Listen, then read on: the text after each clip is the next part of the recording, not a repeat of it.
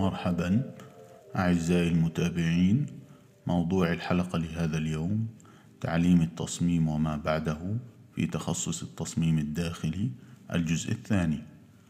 يقدمها الدكتور أحمد أبو هاني تخصص تصميم داخلي حاصل على درجة الدكتوراه في تخصص التصميم الداخلي من أكاديمية ستروغانوف الحكومية في موسكو عام 1996 كما أنه عضو في المنظمات الدولية في مجال التصميم الداخلي وفي لجان التحكيم لتخصص التصميم في العديد من المؤسسات التعليمية. نحن برعاية طهبوب تجربة منزلية مطلقة. ننتقل لمنهجية تدريس التصميم الداخلي في كليات التصميم والفنون و أو كلية العمارة وتصميم فنون تطبيقية أو كلية عمارة وتصميم. تنصح الجمعيات المهنية الرائدة في تدريس أو اعتماد التصميم الداخلي مثل آسيد المختصر للجمعية الأمريكية للمصممين الداخلي أو بيدا الجمعية البريطانية للتصميم الداخلي أو آيدا الرابطة الدولية للتصميم الداخلي بضرورة أن يتضمن منهج التصميم الداخلي المثالي ما يلي. كمساقات كي تعترف فيها المنظمات المذكورة أعلى. أول نقطة أساسيات التصميم الداخلي والفلسفة علم الاجتماع علم الجمال نظريات التصميم البحث العلمي البصري ومفردات التصميم منها اللون الضوء الشكل والملمس والمعرفة الأساسية بالمواد.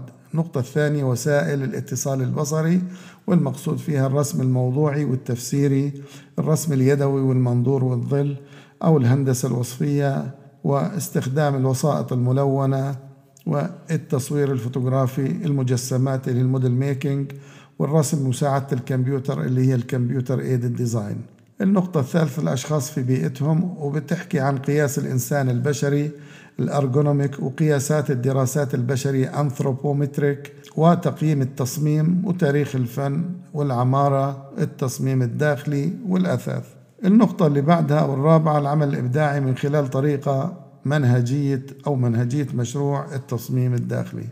النقطة الخامسة تفسير تصميم المشروع والدراسات الفنية المتعلقة به البيئة المبنية. وبين قوسين الرسومات التوضيحية الهندسية للعمل تكنولوجيا البناء فهم هيكل البناء الخدمات تقدير الكلفة أو التكلفة. تفصيل تحديد المواد الأثاث والتجهيزات.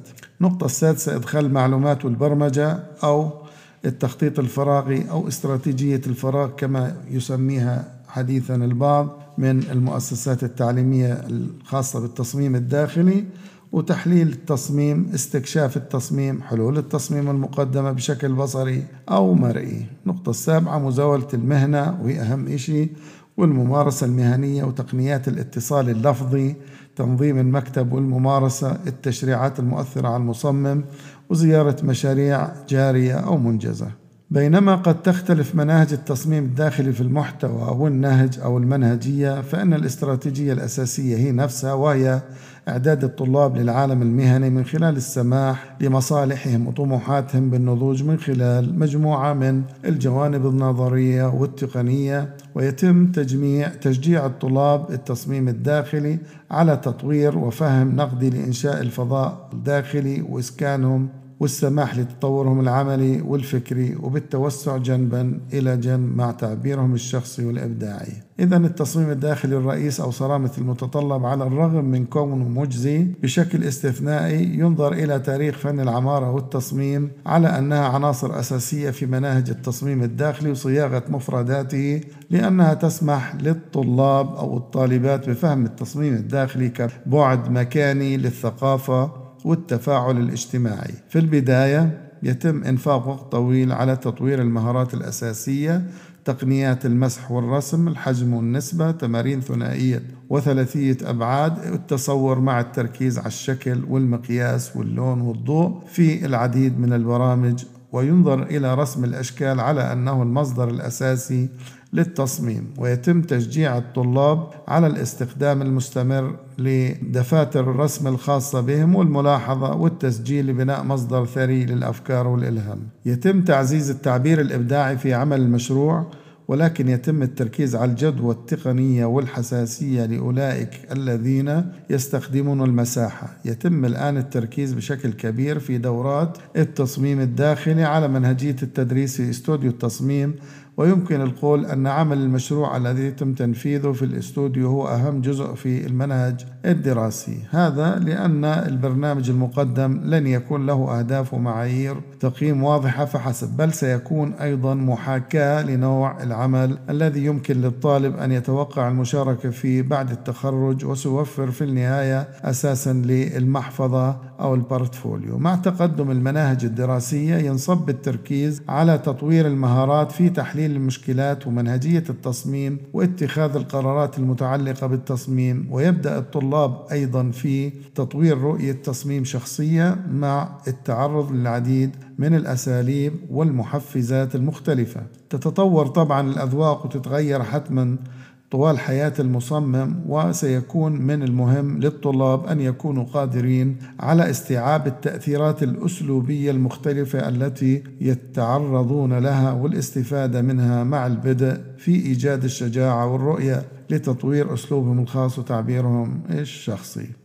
تغطي الدراسات العملية تشييد المباني والتفاصيل والحوسبة الإبداعية بينما تشمل الاختيارية المنتجات والأثاث والإضاءة والبيع بالتجزئة أو تصميم المعارض ربما مع خيارات إضافية للمشروع في تصميم أفلام والتلفزيون أو التصوير الفوتوغرافي أو الضيافة. يشكل تحليل وبحث جزء مهم من عمل المشروع. يتم تشجيع الطلاب على استكشاف استخدام المواد من أجل أن يصبحوا مؤهلين وواثقين في تطبيقها. يتم تضمين المهارات الشخصية الرئيسة مثل الاتصال والعمل الجماعي كجزء من عملية التطوير الإبداعي ويتم التركيز على التوجيه الذاتي وإدارة الوقت قرب نهاية المنهج المتبع. غالبا ما يتم تقديم دورات في الممارسة المهنية وتكنولوجيا المعلومات وعلم الجمال والأعمال في السنة النهائية. غالبا ما يقوم الطلاب بإجراء أطروحة تحتوي على شق عملي ونظري لصياغة مشروع جيد من ناحية الفكرة وتطورها ورصد معالمها ومفرداتها وكتابتها وتوثيقها. كبحث مميز والتي قد تكون ذاتية في بعض الكليات يميل عمل المشروع إلى الزيادة في الحجم والنطاق مع تقدم الدورة وبالتالي قد يتم تضمين التصميمات الداخلية الحضرية واسعة النطاق أو التصميم التجاري في الجزء الأخير من المناهج الدراسية. يمكن أن تكون متطلبات هذه الفصول الدراسية والطبيعة الممتعة لأعمال التصميم مرهقة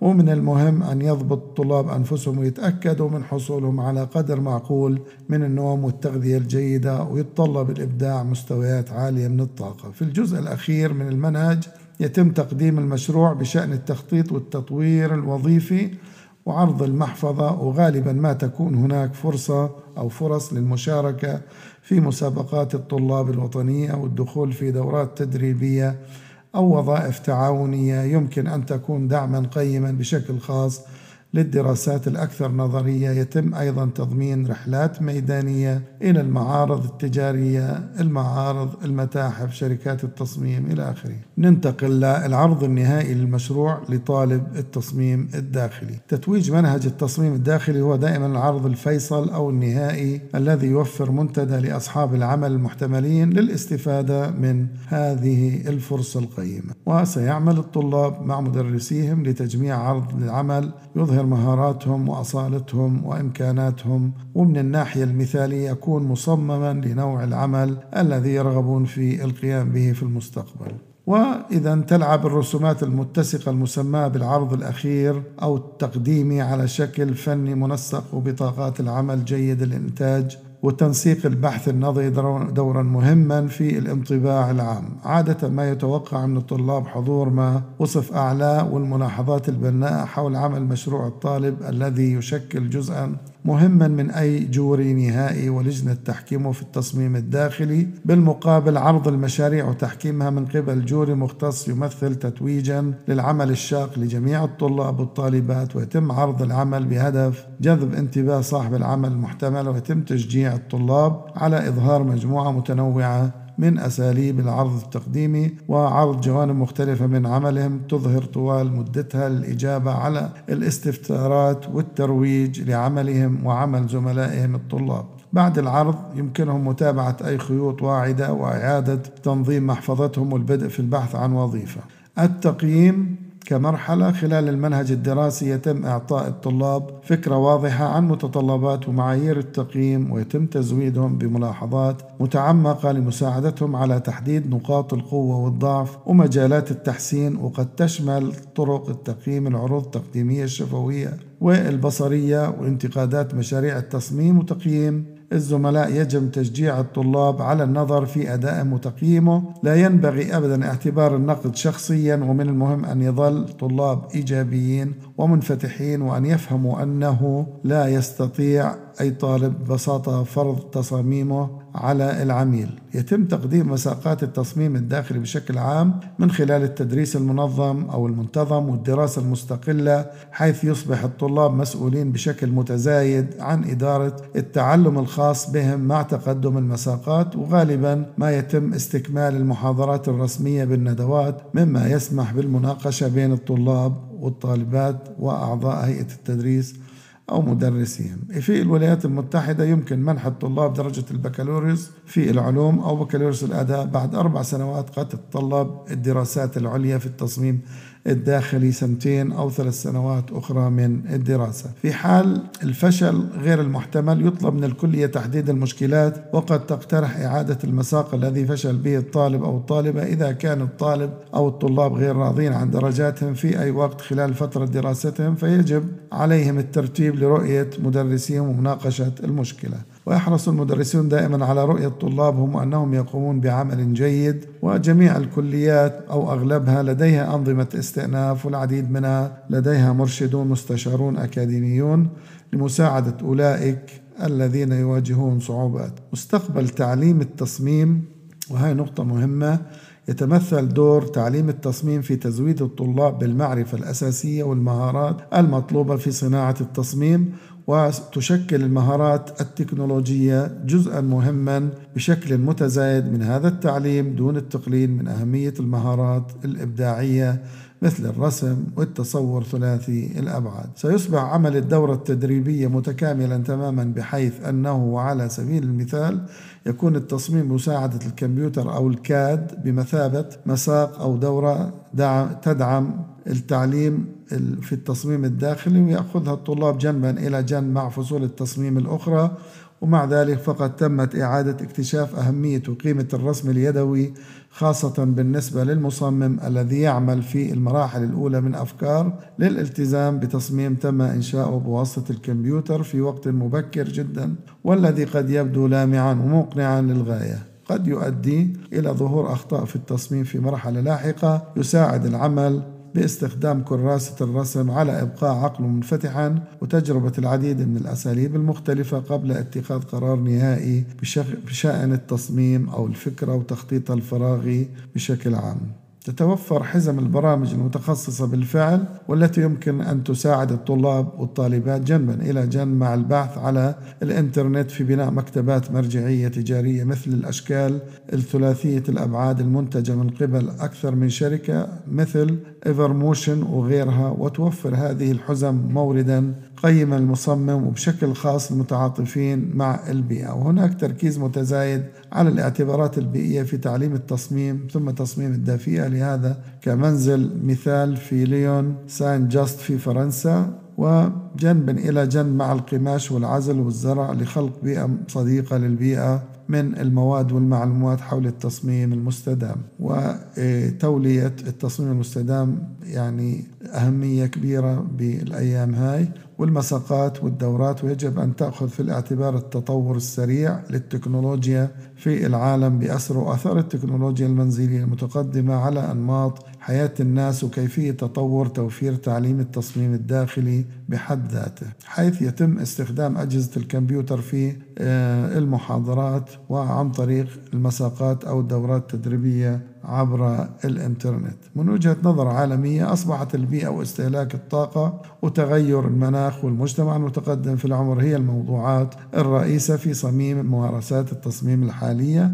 لقد كفل التشريع أن التصميم للأشخاص ذوي الإعاقة أصبح الآن اعتبارا قياسيا ونتيجة لذلك جودة الأفكار والحلول باستمرار تتحسن وسيبقى التصميم للمعاقين جزءا أساسيا من أي برنامج دراسي. يجب أن يعالج تعليم التصميم القضائي مثل مواصفات أقل لمواد سامة تقليل استهلاك الطاقة وثاني أكسيد الكربون من أجل وتصريف حماية البيئة. هناك أيضا حاجة لتشجيع مصمم المستقبل لإيجاد طرق لجعله بيئي والتصميمات الداخلية المصممة تبدو أقل ضررا وأكثر فخامة خاصة الآن بعد أن أصبح الكثير من العملاء حريصين على تبني هذا المفهوم. والشيخوخة في المجتمع هي قضية مهمة في الغرب وأخرى يجب معالجتها في مسارات المستقبل في اليابان والعديد من البلدان الأوروبية وأمريكا وكندا وغيرها. وسيكون ربع السكان أكثر من 65 عاما في عام 2025 وستكون هناك حاجة حيوية للمصممين لإنشاء منازل مستدامة وقابلة للاستخدام وبأسعار معقولة. في الجهة المقابلة واليسرى أن الهندسة المعمارية أصبحت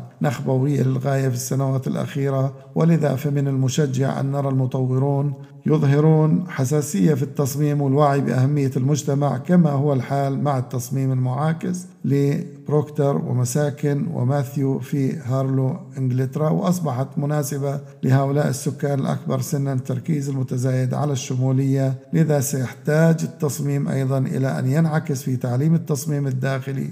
ومن المعتقد أنه على نطاق واسع سيصبح تعليم التصميم بحاجة إلى أن يصبح أكثر تنظيما وتقنية وأن الدورات الجانبية للممارسة المهنية يجب أن تتكافى مع الشهادات في التصميم الداخلي والعمارة. ويمكن تقديم تعليم أكثر مرونة مثل الدرجات بدوام جزئي لتشجيع الطلاب الناضجين على الدراسة والتأهيل. ومن المحتمل أيضا أن يتوسع تعليم التصميم في نطاقه ليشمل مجالات للدراسة ذات صلة مثل الأعمال والقانون والتمويل والتركيز أكثر على مهارات الاتصال اللفظي والكتابي. وأحد المجالات الأساسية للتصميم الذي سيتحقق سيستحق اهتمام جديد هو الإبداع. ومن الأهمية بمكان تعليم التصميم يعمل على تعزيز أعلى مستويات حل المشكلات الإبداعية بحيث يتم تبجيل الابتكار جنبا إلى جنب مع القدرة التقنية. وهناك المزيد من التنويع بين دورات لتقديم المزيد من الدرجات العلمية وشهادات التصميم الداخلي المخصصة ودراسة الماجستير والدكتوراه في التصميم الداخلي. متاحة الآن في أجزاء كثيرة من العالم ومن مجالات عليا. كهذه ستصبح الدراسة مرغوبة أكثر مع الحاجة المتزايدة للبحث والتطوير في مشاريع التصميم الداخلي. من المهم معرفة أن قيمة التعلم المستمر مدى الحياة للمصمم الداخلي بشكل كامل بما يتماشى مع العديد من المهن الأخرى وهذا ليس فقط لحماية المستهلك ولكن أيضا لضمان احتفاظ المصممين المؤهلين بكفاءتهم في الممارسة. من المفهوم إلى حد كبير أن هذه الطريقة هي الوحيدة كطريقة لضمان ميزة تنافسية وهي الاستعداد للاعتراف بالتغيير والتكيف معه والاستجابة للاتجاهات الجديدة في الأعمال والتصميم بشكل عام. أهمية المؤهلات من المسلم به دوليا أنه من غير المقبول أن يطلق الناس على أنفسهم مصمم داخلي بدون المؤهلات المناسبة وبتتضمن هذه المؤهلات أن المصمم قادر على التفاصيل الشخصية كتقديم السي في وبكون من ضمنها الاسم والعنوان الهاتف وبريد إلكتروني إلى آخره والتعلم والتعليم التدريب التاريخ الوظيفي اهتمامات أنشطة التعليم والمؤهلات التاريخ الوظيفي والخبرة العملية التدريب الداخلي وغيره وقائمة معرفين مرجعية. ولتقديم مستوى معين من المعرفة والخدمة وبالتالي تتطلب مراجعة مستمرة حتى يكون الجمهور محميا جيدا لا سيما فيما يتعلق بالصحة وقضايا السلامة ورفاهية الأشخاص في المجتمع. تدير العديد من البلدان نظام ترخيص لمصمم الداخلي الذين يرغبون في إنشاء مكاتبهم الخاصة. كمثال في الولايات المتحدة تتطلب العديد من الولايات الحصول على شهادة من المجلس الوطني لتأهيل التصميم الداخلي مختصرة ب MCIDQ لممارسة للممارسة وفي الوقت المناسب قد يتم إحضار شهادة إلزامية على مستوى الدولة وعند الانتهاء من دراساتهم للتصميم الداخلي عادة ما يأخذ خريج التصميم الداخلي فترة تدريب مهني خاضع للإشراف بعناية مع فرصة للتوجيه وحضور ورش للعمل للتحضير الامتحان NCIDQ المجلس الوطني لتأهيل التصميم الداخلي لكي تصبح عضوا في إحدى الجمعيات المهنية مثل الأسيد هي الأكبر في الولايات المتحدة نظرا لأن الشهادة ليست إلزامية في جميع أنحاء البلاد. فإن العضوية في منظمة مهنية هي مؤشر على مؤهلات المصمم الداخلي ومكانته المهنية. من أجل اجتياز امتحان NCIDQ يجب على المرشح أن يكون حاصل على درجة البكالوريوس في التصميم الداخلي وما لا يقل عن 3520 ساعة من الخبرة في عمل التصميم الداخلي ويمكن إكمال هذا في حوالي عامين من العمل بدون كامل بدوام كامل ويمكن كسب نصفه أثناء الدراسة أو لمساعدة مغيري المهنة. إذا درجة البكالوريوس في أي تخصص آخر في برنامج ما وما لا يقل عن 60 فصل دراسي أو 90 ساعة معتمدة من أعمال دورات في التصميم الداخلي التي تكون مقترنة بنفس القدر من الخبرة العملية كما كان من قبل. أو دبلوم وما لا يقل عن 60 فصل دراسي معتمد وما لا يقل عن 5280 ساعة من الخبرة في العمل في مجال التصميم الداخلي. ويمكن إكمال هذا في حوالي ثلاث سنوات من العمل بدوام كامل ولكن يجب الحصول عليها جميعا بعد الانتهاء من برنامج التعليم. أو ما لا يقل عن 40 فصل أو 60 ساعة معتمدة من دورة تصميم داخلي تؤدي إلى الحصول على شهادة أو درجة أو دبلوم مع ما لا يقل عن 7040 ساعة من الخبرة في عمل التصميم الداخلي. يمكن إكمال هذا في حوالي أربع سنوات. قدم هذه المادة الدكتور أحمد بوهاني. تابعونا كل سبت الساعة الرابعة بتوقيت القدس على كافة المنصات السمعية. كان معكم محمد الرنتيسي من بودكاست ال Creative Center.